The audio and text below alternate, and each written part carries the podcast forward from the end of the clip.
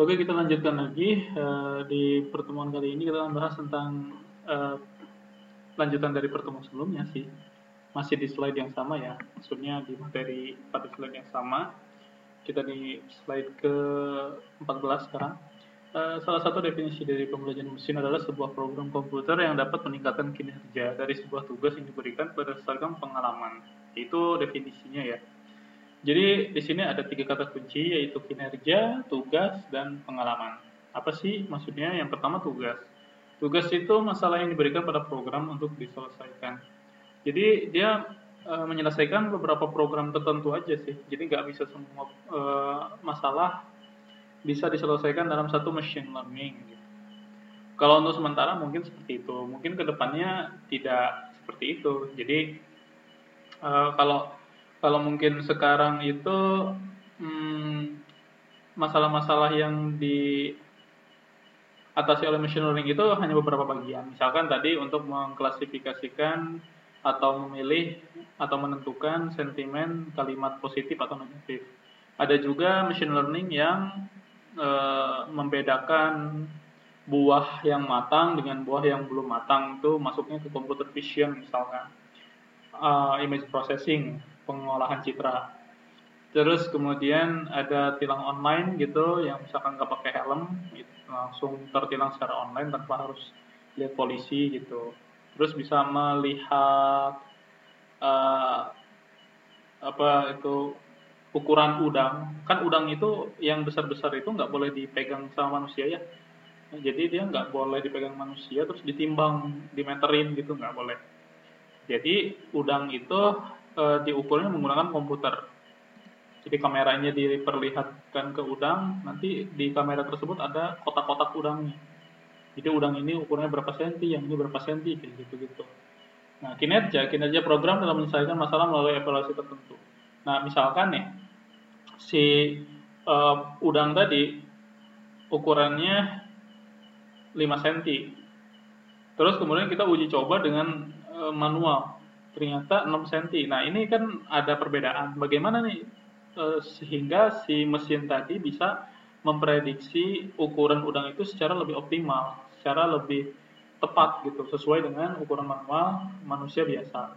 Pengalaman. Nah, pengalaman ini data atau contoh yang digunakan program untuk belajar sehingga dapat meningkatkan kinerjanya. Jadi e, sebelumnya ukuran udang itu misalnya computer vision atau di sentimen analisis yang negatif atau positif itu kalimat ya kalimat negatif atau positif itu kan sebelumnya sudah diberikan data agar bisa dipelajari oleh komputer itu. Agar nanti dia bisa menentukan e, suatu kalimat ini termasuk ke dalam negatif atau kalimat positif. Kayak gitu. Nah itu tentang e, definisi dari pembelajaran mesin atau machine learning.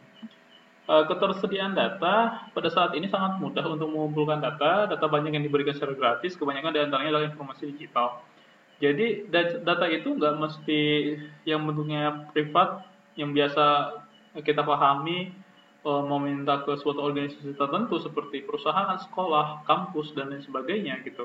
Data ini yang sifatnya publik itu sangat banyak seperti halnya data tweet yang orang nge-tweet gitu kan dalam suatu hashtag tertentu gitu.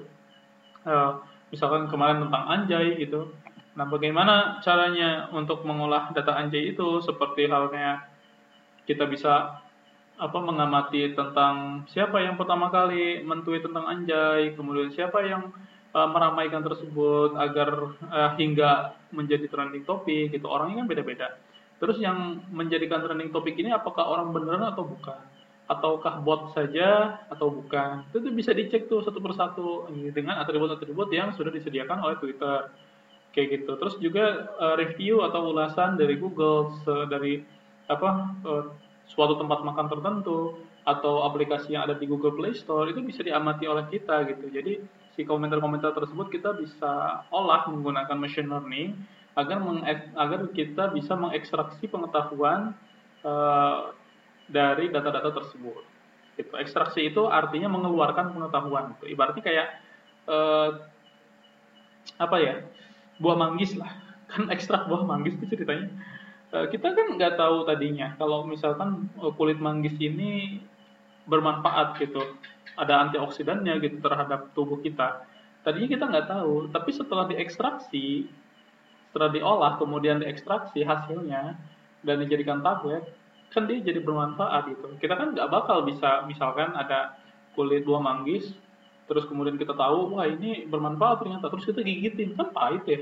Nggak mungkin juga kita langsung melakukan hal tersebut gitu. Jadi kita harus mengolahnya dulu kemudian mengekstraksi nah mengekstraksi kulit tersebut gitu agar lebih mudah dicerna diolah atau mudah dikonsumsi oleh diri kita. Kayak gitu ya itu salah satu contohnya. Uh, terus menyimpan data, media penyimpanan data dalam bentuk hard drive dapat menyimpan data lebih banyak dengan harga yang murah. Um, terus mengirimkan data. Jadi sekarang hard disk itu emang udah murah-murah ya. Jadi menyimpan data dalam bentuk giga, tera. Sekarang kan harus juga udah ada terabyte gitu kan. Satu uh, terabyte itu kan sama dengan 1024 giga ya kalau misalnya. Eh, memang iya. Iya segitu kan. Uh, terus mengirimkan data. Secara teknis pengiriman data gratis melalui internet. Sebenarnya secara teknis memang internet itu gratis. Terus kenapa kok kita harus bayar? Kita kenapa harus ada kuota gitu? Sebenarnya kuota itu kan untuk uh, membatasi aja. Jadi ibaratnya kayak uh, dikasih jatah, nih lo punya apel 10, ya kalau lo makan dua setiap hari ya habis dalam waktu lima hari kayak gitu. Sama halnya dengan kuota gitu. Kenapa kok kuota uh, harus dibatasi dan mahal? Kenapa uh, kita berselancar di internet itu bayar padahal di sini secara teknis pengiriman data gratis eh, pengiriman data lewat internet itu ya gratis karena yang kita bayar itu bukan internetnya tapi yang kita bayar itu adalah uh, infrastruktur untuk mengakses internetnya ibaratnya kalau misalkan kita lagi uh, di rumah rumah kita dekat pantai kan kita ke pantai kan nggak bayar kita tinggal datang ke ke pantai lewat belakang rumah terus kemudian kita bisa melihat keindahan pantai di sana, berkemah di sana, segala macam gitu ya, tanpa harus bayar. Masalahnya adalah kalau misalkan saya nih pribadi orang orang Bogor kan tidak dikelilingi dengan pantai ya, hanya dikelilingi dengan gunung misalkan dan juga eh, di, berbatasan dengan daerah-daerah yang yang darat juga seperti Jakarta, Depok gitu, terus eh, Banten gitu ya. Nah itu eh, bagaimana caranya agar bisa dapat mengakses pantai? Ya artinya kan saya harus Eh, mendekati pantai itu lewat transportasi gitu. Kan saya transportasi ke sana pakai infrastruktur kan, harus mobil atau motor, saya harus beli bensinnya. Saya kalau misalkan lewat jalan tol ada harus bayar tolnya gitu. Terus kemudian saya kalau nggak bisa nyetir harus ada supirnya gitu sama. Jadi kan saya e, sendirian di situ tidak apa ya saya bisa menikmati pantai itu walaupun tidak bisa mobil, walaupun tidak bisa walaupun saya jauh dari pantai gitu, tapi saya bisa menikmati pantai itu dengan cara tadi mengaksesnya. Nah, akses ke pantai pada saat saya sampai di pantainya itu saya tidak bayar. Jadi pada saat turun dari mobil, saya langsung lihat pantai tanpa bayar kan. Secara teknis ya saya melihat pantai nggak bayar gitu, tapi untuk mengakses pantainya gitu itulah yang harus dibayar. Berarti yang di, yang dibayarkan adalah infrastrukturnya. Begitu halnya juga internet. Yang kita bayarkan bukanlah mengakses internetnya tapi infrastruktur untuk mengakses internetnya gitu. Kabel jaringan optik yang harganya ratusan miliar kemudian ada BTS bukan ya BTS Army itu ya uh, eh, BTS pemancar sinyalnya gitu. Terus kemudian juga menggaji karyawan yang untuk membuat infrastruktur tersebut. Terus kemudian menggaji karyawan untuk mengolah data di sana kemudian uh, servernya segala macam. Itu yang harus dibayarkan oleh kita gitu. Bukan hanya uh, kita berpikir secara praktis internet kan gratis kenapa kita harus bayar gitu? Jadi tidak seperti itu ya ibaratnya kan kalau kita ngobrol berdua ya face to face ketemu ya kita kan nggak bayar. Kita ngobrol sepuasnya kan nggak bayar gitu. Terus kenapa kita jadi bayar kalau misalkan kita ngobrolnya jauhan? Ya karena kan saya, kita butuh akses fasilitas agar bisa terhubung dengan orang lain di luar sana yang jauh gitu loh. Terus ketersediaan data hasilnya adalah semua orang dapat mengumpulkan dan mengalihkan data dalam jumlah besar yang dapat digunakan untuk bisnis. Jadi karena sekarang internet itu semakin e, koneksinya semakin cepat, terus kemudian semakin terhubung ke seluruh negara gitu, akhirnya kan data market itu yang tadinya kita jualan online hanya di web-web sendiri, ya ada online shop, online shop, online shop gitu kan, e, toko online-nya punya web sendiri, sekarang toko online-nya sudah tergabung ke dalam suatu marketplace gitu, yang di sana seperti mall, halnya di dalam ada etalase etalase setiap uh, toko itu memiliki pemilik yang berbeda gitu loh Nah itu bisa diolah datanya, misalkan data e, penjualan pakaian yang paling laku di daerah Bogor apa gitu. Terus kenapa kok misalkan orang Kalimantan itu lebih suka e, beli anu gitu. Terus kok kenapa orang Bogor e, tidak suka membeli anu gitu.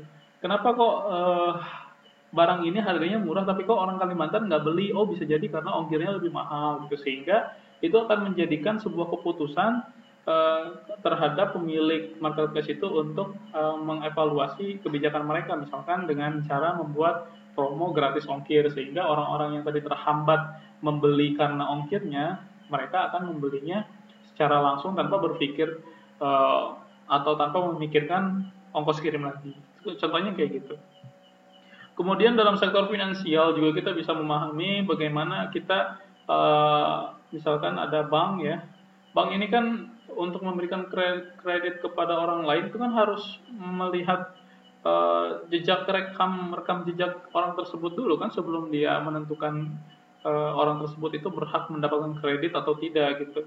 Nah ini kan bisa dilacak menggunakan data. Nah ini bisa dibuat keputusan secara otomatis menggunakan machine learning gitu. Sehingga uh, pada saat orang tersebut misalkan si orang tersebut ini banyak utangnya gitu. Terus kemudian pada saat dia datang ke bank atau sebelum datang ke bank dia bisa cek sendiri diri dia di aplikasi. Itu misalkan dia tinggal masukin nomor induknya nomor nomor induk kependudukan dia misalkan nicknya dari KTP pas di uh, klik OK itu langsung muncul tuh.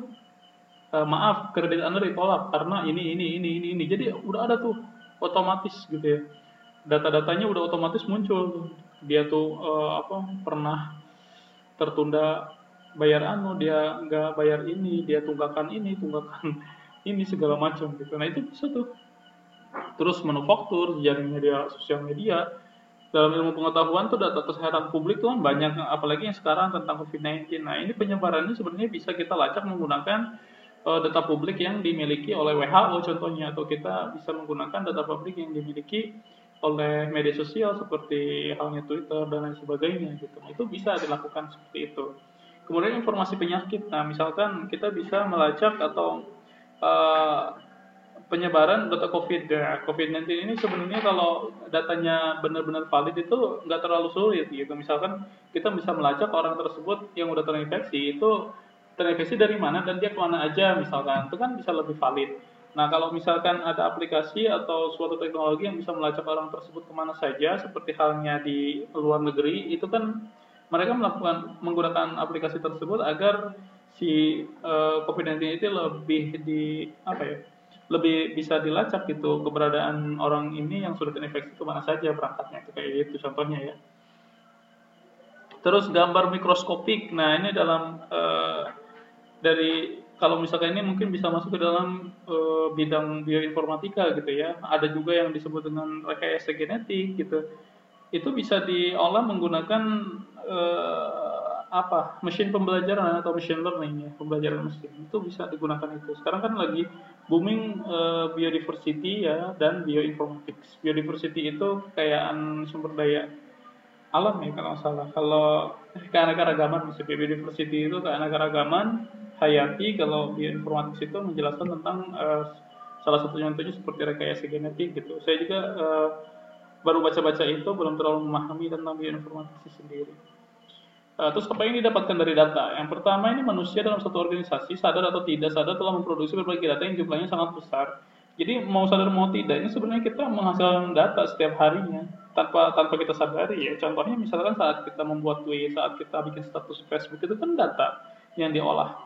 Nah, misalkan kita pernah nggak e, kalau misalkan lagi ngobrolin atau bikin status tentang suatu benda gitu, terus kemudian iklan dari benda tersebut muncul gitu. Nah, itu juga data yang sudah diolah oleh Facebook, kemudian diambil pixel Facebooknya e, dan dicocokkan dengan e, apa yang kita sedang inginkan gitu. Jadi Facebook tuh bisa menangkap hal-hal tersebut. Bahkan Facebook sendiri juga dia memiliki robot yang bisa mendeteksi kita um, sedang membuka aplikasi apa gitu. Jadi misalkan nih saya lagi buka Google Chrome, terus kemudian ada Facebook yang saya lagi buka, nah terus kemudian di samping uh, tab Facebook itu saya lagi buka hal yang lain, misalkan lagi buka Shopee atau marketplace lain, saya sedang mencari pakaian, nanti di Facebook saat saya buka Facebook nanti ada iklan tuh dari pakaian tersebut. Itu itu salah satunya ya. Jadi tanpa sadar kita tuh sudah uh, membuat data setiap harinya. Nah, nomor dua pada dasarnya data adalah entitas yang tidak memiliki arti, meskipun kemungkinan memiliki nilai dalamnya. Jadi sebenarnya data itu ya, ya tidak memiliki arti sebenarnya. Contohnya kayak uh, kita lagi masuk ke ruangan yang tadi uh, ruangannya dingin, terus kemudian kita bilang ih dingin ya, misalkan gitu. Terus kita cek suhunya 7 derajat Celcius ya udah itu hanya sekedar data yang 7 derajat Celcius itu untuk apa gitu.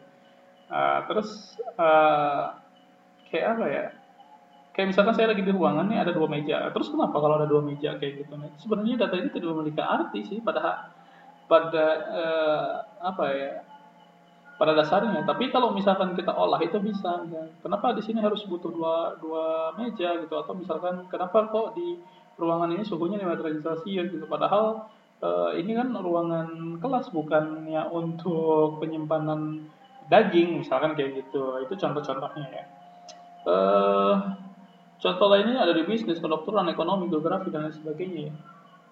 Terus nomor tiga, kita dapat mengekstraksi informasi dari kumpulan data yang besar dan dapat digunakan kembali untuk tujuan bisnis dan pengetahuan. Ya, mengekstraksi informasi dari kumpulan data yang sangat besar itu ya untuk e, untuk melihat pola yang ada di dalamnya. Kayak tadi misalkan tweet e, tentang anjay yang ramai itu kan kita bisa ambil data tersebut data tweet tadi mana yang positif mana yang negatif gitu. Terus kemudian siapa yang memunculkan kalimat itu pertama kali kemudian siapa yang meramaikan sampai trending topik gitu. Hashtag apa yang digunakan gitu.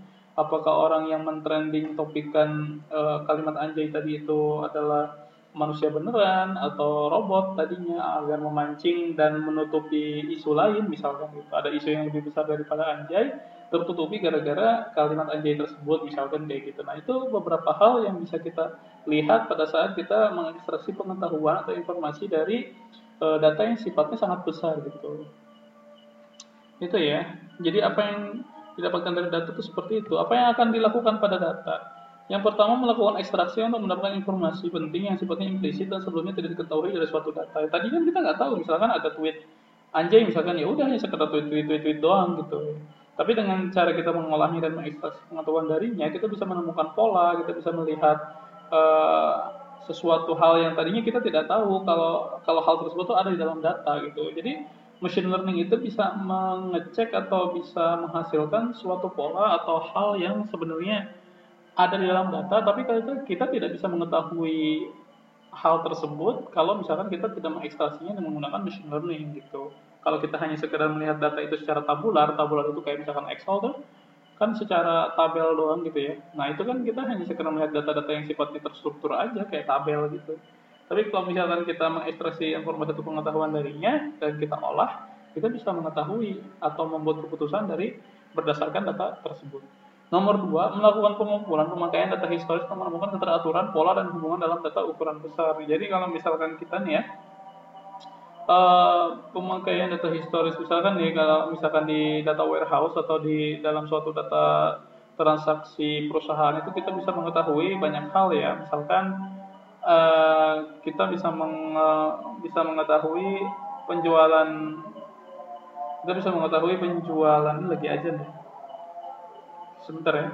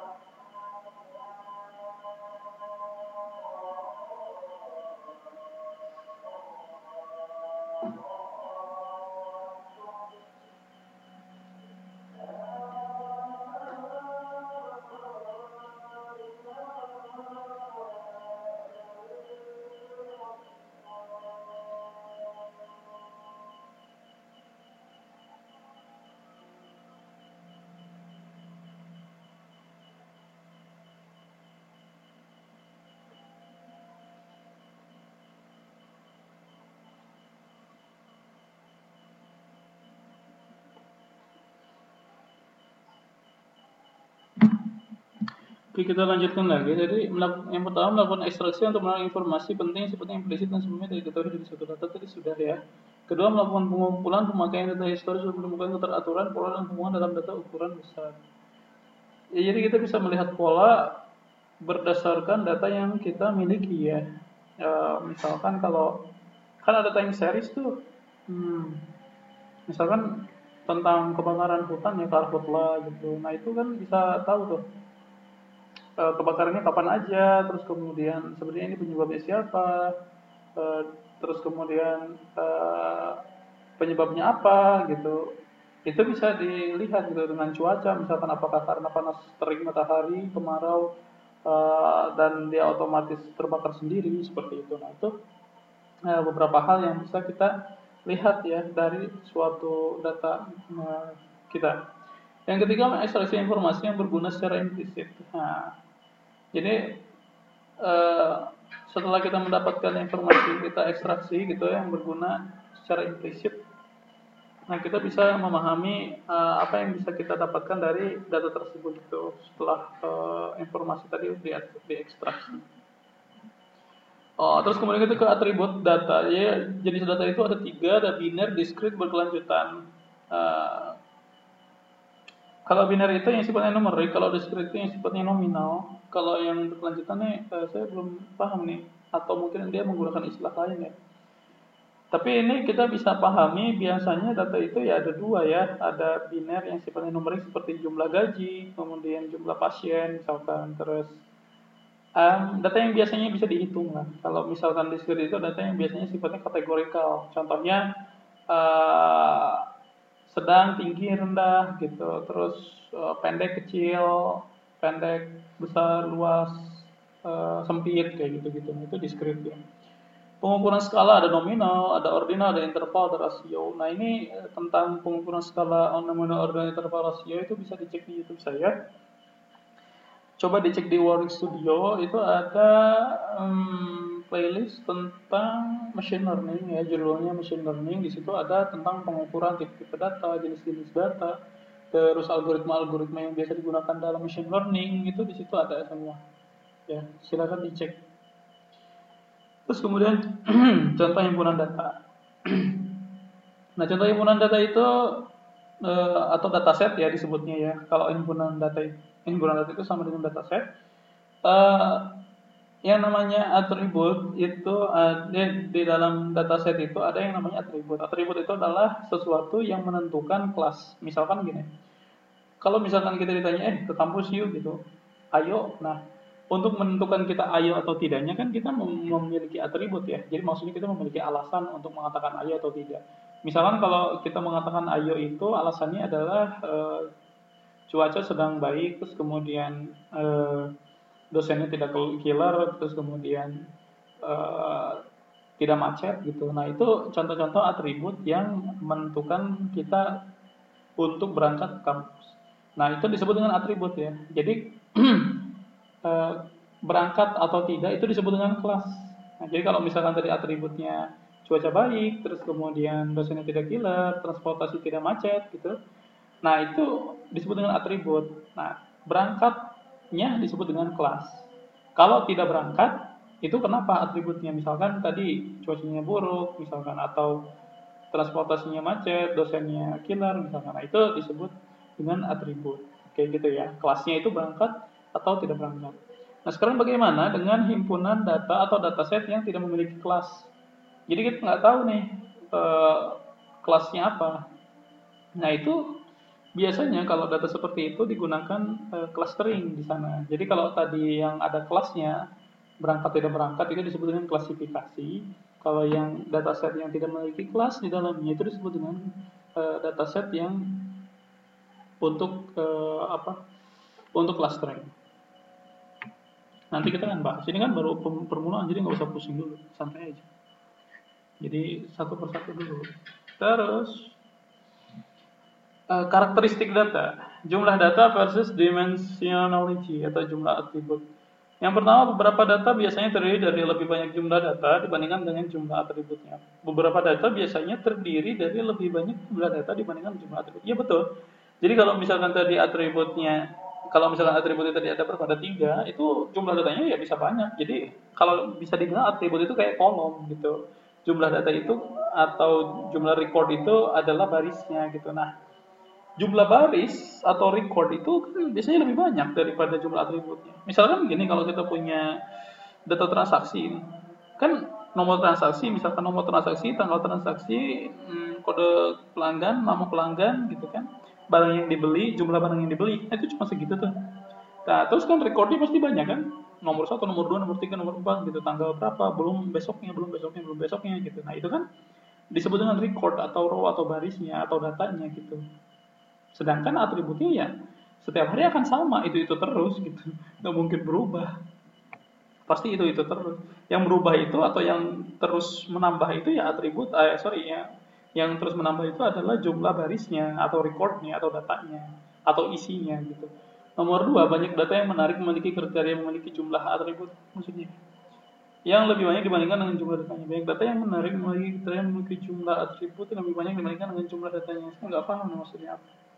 Mungkin nanti kita bisa bahas di kesempatan yang lain ya. Tahapan memproses ada input, metode, ada output. Sebenarnya yang simpelnya gitu ya, kayak misalkan kita memproses makanan kan, makanan masuk ke dalam mulut kita, diproses, kemudian dikeluarkan. Uh, mesin pembelajaran atau machine learning juga melakukan hal yang sama. Jadi masukkan data, diproses oleh suatu algoritma tertentu, kemudian muncul outputnya. Outputnya itu adalah hasil pembelajaran itu.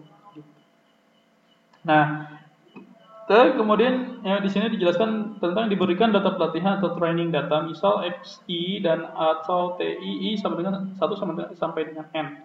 Itu maksudnya uh, jumlah datanya ya, misalnya kalau ada 100 ya berarti 1 sampai 100 gitu. Data setnya ya atau data trainingnya gitu yang kita masukkan di awal. Pre-processing, pemilihan ekstraksi fitur dari data. Nah, pre-processing itu jadi kita uh, memilih data datanya ini kan misalkan misalkan kita memiliki data nih kan belum tentu datanya semua kita pakai contohnya misalkan tadi nih ada kita punya data transaksi nah data transaksi ini ada kode pelanggan nama pelanggan terus uh, nomor tanggal terus nomor transaksi uh, kode barang nama barang misalkan gitu. kita hanya ingin mengetahui barang apa yang paling banyak dibeli terus setelah itu barang apa misalkan nih kita pengen tahu orang-orang itu kalau misalkan udah beli mie dia beli apa sih? Apakah dia beli sabun? Apakah dia beli saus gitu? Apakah dia beli buah apel misalnya? Nah kita pengen tahu polanya gitu. Sehingga nanti kalau misalkan ketahuan eh, kita akan menempatkan barang tersebut di dekat mie gitu. Misalkan nanti hasilnya oh ternyata orang kalau misalkan beli mie setelahnya pasti beli saus. Nah sehingga nanti displaynya di rumah sakit rumah sakit display di supermarket tersebut itu raknya di samping rak mie pasti rak saus itu. Nggak mungkin rak sabun colek gitu.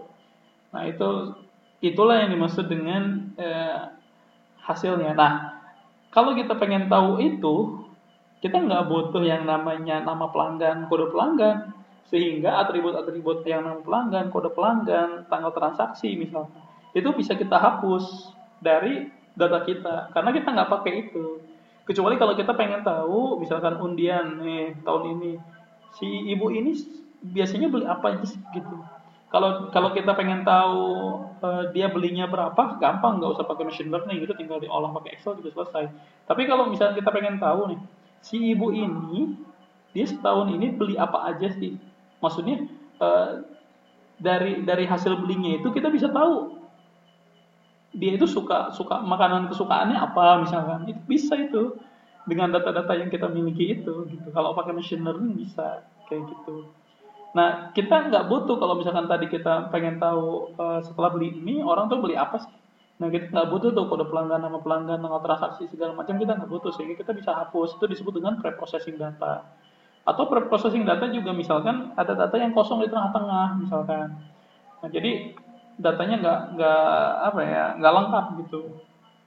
Misalnya kita sedang ingin survei ya, ya ingin survei kepada orang-orang tentang suatu hal terus kita tanya umurnya. Ya karena dia gengsi untuk memberikan atau memberitahukan uh, umur dia maka dia bilang eh, maaf saya nggak ngasih tahu umur saya gitu. Nah kita kan nggak bisa tuh maksa dia sehingga kita kosongkan. Nah itu disebut dengan data uh, missing value ya. Jadi nggak ada nggak ada nilai di dalam record data tersebut. Itu harus diprocessing dulu Kenapa harus di pre-processing? Maksudnya kita harus memberikan penanganan atau di handle dulu ini yang kosong ini harus diapakan gitu. Soalnya kalau misalkan si yang kosong ini dibiarkan nanti dia mempengaruhi data-data yang lain. Nah, kita harus bersihkan dulu itu dia.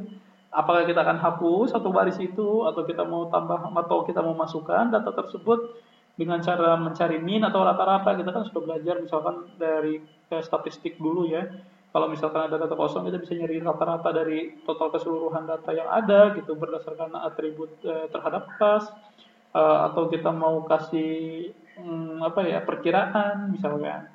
E, atau misalkan kita mau ngasih rata-rata atau kita mau hapus saja itu silahkan ya. Asalkan ada penanganan terhadap data yang kosong tadi jangan dibiarkan begitu saja. Itu namanya pre-processing data Terus kemudian ada learning. Learning itu penentuan parameter metode, misalnya W berdasarkan data pelatihan. Nah, learning ini menggunakan suatu metode atau algoritma tertentu. Kalau misalkan tadi ada atribut yang memiliki kelas, misalkan datasetnya ada atribut, terus ada kelasnya. Contohnya tadi apa? E, kita mau berangkat kuliah atau tidak. Nah, berangkat kuliah atau tidak itu kelasnya. Atributnya apa saja tadi? E, transportasi, kemudian cuaca, dan dosennya kira atau enggak. Nah, kemudian kita bisa membuat atau kita bisa menentukan algoritma untuk mengolah data-data data, data tersebut gitu. Algoritmanya misalkan seperti klasifikasi gitu contohnya ya. Uh, seperti ada NFV, ada decision tree, ada KNN, terus ada SPM, ada uh, artificial neural network gitu banyak lah ya data-data tersebut. Kalau misalkan data set tidak memiliki kalau data set tidak memiliki kelas ya, jadi datasetnya hanya sekumpulan data aja, kita bisa menggunakan teknik clustering di sana. Nah, teknik clustering itu untuk memisahkan data-data tersebut agar terpisah sesuai dengan karakteristiknya masing-masing.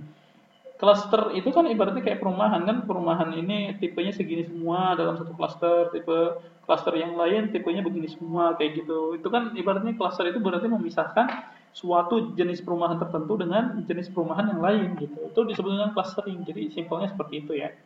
Nah, clustering itu algoritmanya banyak juga ya. Ada Kamins, ada Kamedoid, kemudian ada fuzzy semin gitu ya, macam-macam.